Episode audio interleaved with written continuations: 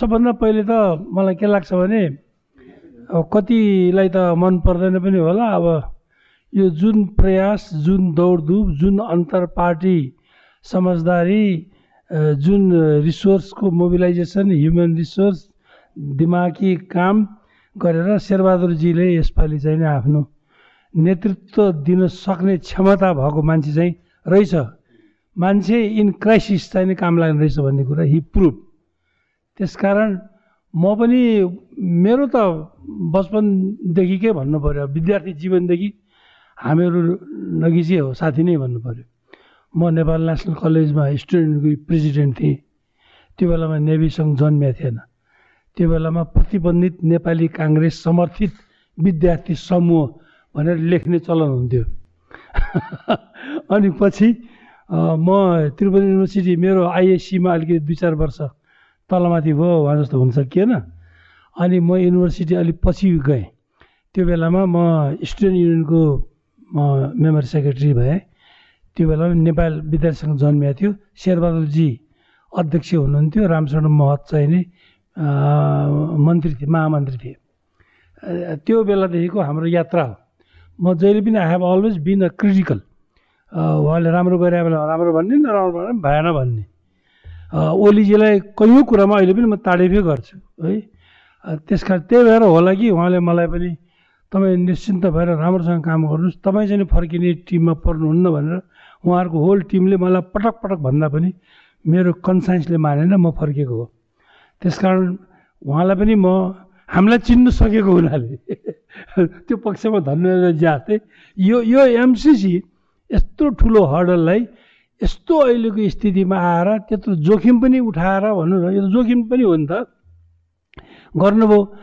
तर हिजोको जुन पार्लियामेन्टमा जुन किसिमबाट प्रस्तुतिकरण भयो जुन अरू विभिन्न पोलिटिकल पार्टीको फेस सेप त भयो होइन तर कहिलेकाहीँ हामी जस्तो प्रोफेसनल मान्छेलाई अब मास्टर्स थेसिस एमफिलको थेसिस पिएचडीको थेसिस स्वदेशमा विदेशमा बाहिर पिएचडी गर्नेहरूलाई बाहिरको एक्सपर्ट भएर पनि काम धेरै गरियो जीवनभर।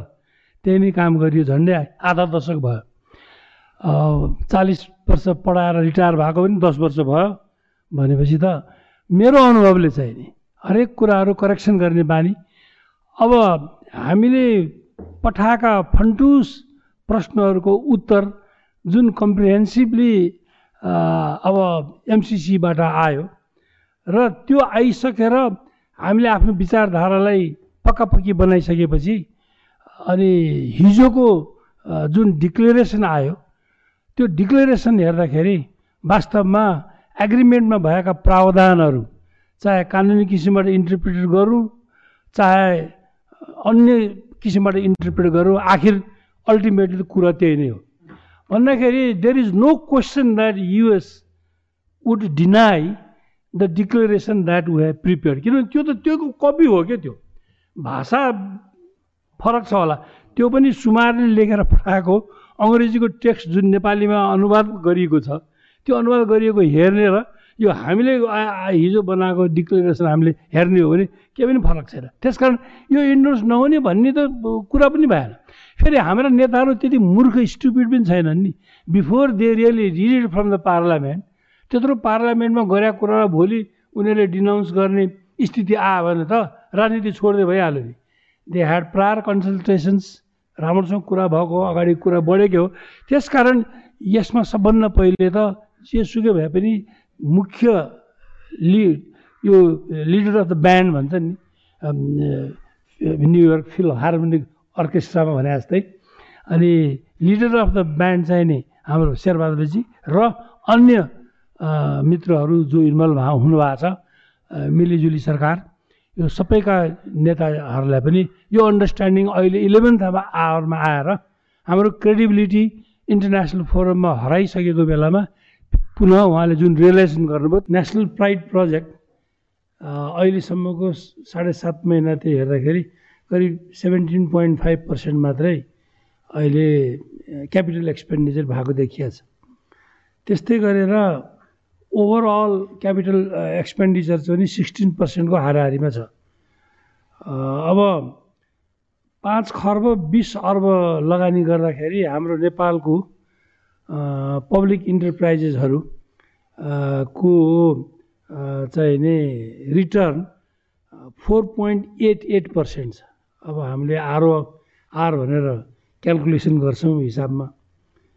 इन्जिनियरिङमा हाम्रो अर्थशास्त्रमा हामी गर्छौँ।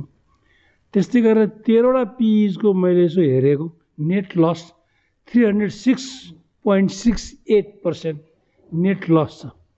यस्तो स्थितिमा मुलुकमा अब यो कालीगण्डकीहरू यिनीहरूको त कुरा गरेर साध्य पनि छैन होइन? यो साउथ एसियाको सिनारी कस्तो रहेछ भनेर मैले कम्पेरिटिभ पिक्चर पनि हेर्नु पऱ्यो भनेर म बेला बेलामा सेल्फ स्टडी गरेर हेरेर हुन्छु मिडियाले कराएर हुन्छ त्यही भएर गर्दाखेरि यो हाम्रो साउथ एसियामा नेपाल नम्बर वान मुलुकमा पर्छ जसमा टाइम ओभर रन हुँदाखेरि कस्ट ओभर रन हुने मात्रा चाहिँ नि प्रतिशत चाहिँ नि नेपालमा अत्याधिक रहेछ। अब हुन त सक्सेसफुल प्रोजेक्ट भन्छौँ हामी अबरतामा खुसीकै कुरा गरौँ न होइन? छयालिस अर्ब खर्च हुन्छ भनेको चार वर्ष ढिलो हुँदाखेरि अस्सी अर्ब प्लस चाहिँ नि थपिनु गयो यस्तो अलार्मिङ स्थितिमा नेपालको होल गभर्नेन्स सिस्टम चलिरहेछ त्यसैले गोपालजीले अघि भन्नुभएको कुरा घतलाग्दो छ किनभने यो आमूल रूपमा एमसिसीको इन्डोर्समेन्ट अनुसार डेभलपमेन्ट प्रोजेक्ट्सलाई हामीले इम्प्लिमेन्ट गर्ने हो भने चाहिँ हाम्रो गभर्नेन्स सिस्टममा ब्युरोक्रासीमा इट निड्स म्यासिभ रिस्ट्रक्चरिङ र कन्ट्राडिक्टरी ल अरुणजीले पनि अघि भनिहाल्नु अब एकदम ठुलो उद्देश्य छ यो प्रोजेक्टको त। मैले इकोनोमिक पर्सपेक्टिभबाट हेर्दाखेरि अब क्लाइमेटलाई प्रोटेक्ट गरेर भनौँ न क्लिन इनर्जी जुन हामीले दिन्छौँ एभाइलेबल गराउँछौँ त्यसले करिब sixty six percent of the household in the beneficiary area र थुप्रै बिजनेसेसलाई यसले सपोर्ट गर्छ भनेको छ। उनीहरूले भन्छ कि यो त क्लाइमेट स्मार्ट टेक्नोलोजी हामीले युज गरेर रोडलाई रिसाइकल गर्ने भन्ने कुरा छ। यो एमसिसी प्रोजेक्ट लागु भएको धेरै जस्तो मुलुकमा। यो भने मतलब के भन्छ भने हाम्रो त्यो अङ्ग्रेजीमा एसफल्ट भन्छौँ नि हामी। त्यो अलकत्रा अलकत्रा बालुवा कङ्क्रिटहरू सब मिसाएर त्यो अहिले अमेरिकनहरूले त्यो टेक्नोलोजी इम्पोर्ट गर्नलाई यो प्रोजेक्टमा हामीलाई सपोर्ट गर्ने कुरा उनीहरूले कमिटमेन्ट गरेको छ। त्यो गऱ्यो भने यो अहिले जुन बाटोको क्वालिटी इन्हान्समेन्ट गर्छ त्यो क्वालिटी इन्मा इन्हान्समेन्ट भएपछि चाहिँ त्यसबाट हुने फाइदा मल्टिपुल फाइदाहरू छ। र यो चाहिँ नि एउटा नेपालको कन्टेक्समा मात्र होइन कि यो साउथ एसियन अरू कन्ट्रीमा पनि गेम चेन्जरको रूपमा त्यो टेक्नोलोजीलाई लिन सकिन्छ। किन वर्ल्ड ब्याङ्कले नेपालको रोड सेफ्टीमा एउटा स्टडी गरेको थियो leadership priorities and initiatives in twenty thirty भनेर। त्यो गर्दाखेरि हेरिया छ फ्याटलिटी रेट नेपालको बाटो बिग्रेको कारणले एक्सिडेन्ट भएर नै एक लाखमा eight point five nine percent चाहिँ नै नेपालको फ्याटलिटी रेटहरू देखियो। त्यो अत्यन्तै हाई हो यो साउथ एसियामा अझ यो डिटेलमा छ स्टडी गरेको बेला बेलामा मलाई चाहिँ यो हेरिराख्नु मन लाग्छ किन बोल्नुपर्छ विभिन्न एरिया क्षेत्रहरूमा हामीलाई। त्यसले गर्दाखेरि यो एक्सेस टु रिलायबल इलेक्ट्रिसिटी पनि गर्ने भनेको छ।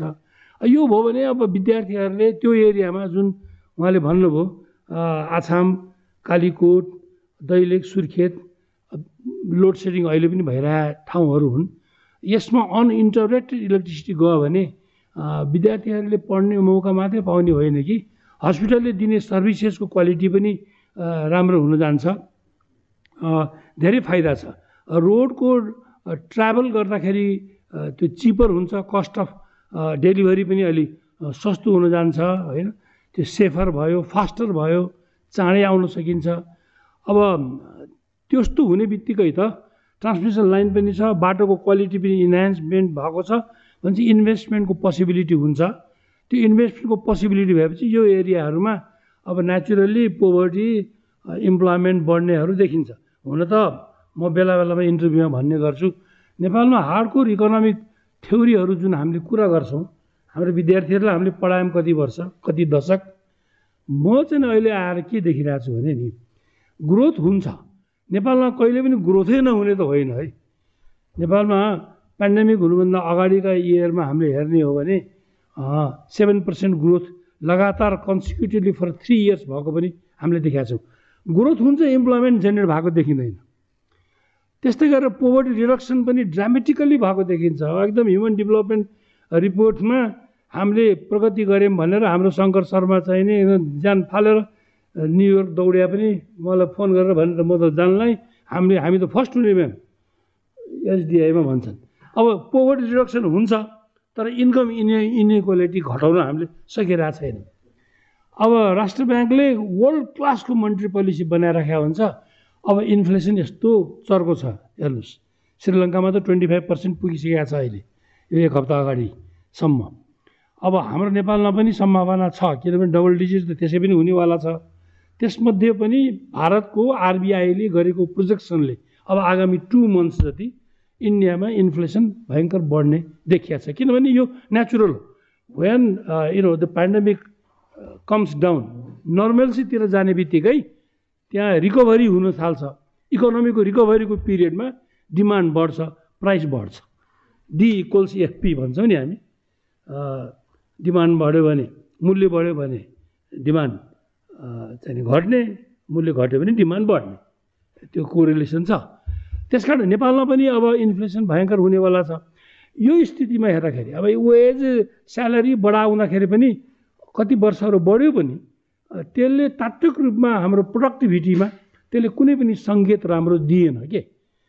When you have a growth you don't have employment when you irrigate eradicate poverty reduce poverty there is no symptom of you know income in reducing income inequality when you come up with a world class monetary theory policy but it cannot contain inflation when you increase the salary and wage rate there is no symptom of advancement in productivity growth.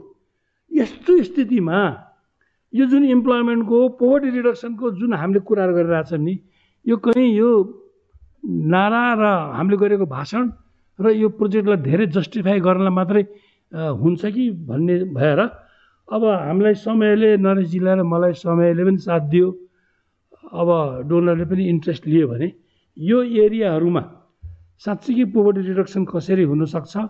Employment growth कसरी हुनसक्छ? फल आउटहरू कहाँ हुनसक्छ भन्ने कुरामा मलाई पनि interest छ। यत्रो हङ्गामा मचिएको प्रोजेक्ट हो होइन? यसरी आएको छ। त्यसले गर्दाखेरि अब इन्डियनहरूले पनि एउटा चाहिँ के छ भने यो क्रस बोर्डर इलेक्ट्रिसिटीको अब ट्रान्समिसन लाइन पनि बन्ने र ग्रिडमा जाने र साउथ एसियाको अरू कन्ट्रीमा पनि यो हुनसक्ने ट्रेड हुनसक्ने भयो हुनाले इन्डियनलाई पनि इन्ट्रेस्ट नहुने सवालै भएन। त्यसरी cross border electricity between Nepal and India ले गर्दाखेरि जोइन्ट इन्भेस्टमेन्ट पनि हुनसक्ने सम्भावना छ। तर यो कति हुन्छ भन्ने कुराहरू हामीले हाम्रो थिङ्क ट्याङ्कको तर्फबाट प्रिलिमिनरी माने इन्सेप्सन रिपोर्ट भने जस्तै एउटा प्रिलिमिनरी रिपोर्ट जस्तो बनाएर माने अप्लाइड रिसर्च नै गरेर स्ट्याटिस्टिकल्ली त्यसलाई जस्टिफाई गर्ने गर्न नसके पनि there are lot of things that we probably could do in future यति भनेर म आज बोल्ने वक्ताहरू हाम्रो अब मित्रहरू जहिले पनि म उसलाई यसरी भेट्या बेलामा उमेरमा त मै जेठो होला तर पनि कहीँ भेट्या बेलामा यो कति कति किलो वाट? अहिले म लेखिरहेको छु एक लाख गिगा वाट आवर भन्नु। एक लाख पाँच मेगावाटसम्म हुनसक्छ। क्यापेसिटी छ तर नेपालमा यति मात्रै भएको छ भने सब टिप्ने गरिरहेको छु। सोध्छु मैले उहाँलाई। त्यो अरुणजीको पनि मैले आजकल खुब ध्यान दिएर पहिला अरुणजीले अलिक खालि बढी गरेर दङ्ग परिरहेको छ कि यो पनि फेरि भीमरावल जस्तो हुन्छ कि भन्टानाथि तर उसको तर्क सुन्दाखेरि त यति कन्भिन्स भइयो कि म खोजी खोजी उसको चाहिँ नि युट्युबमा खोज्छु।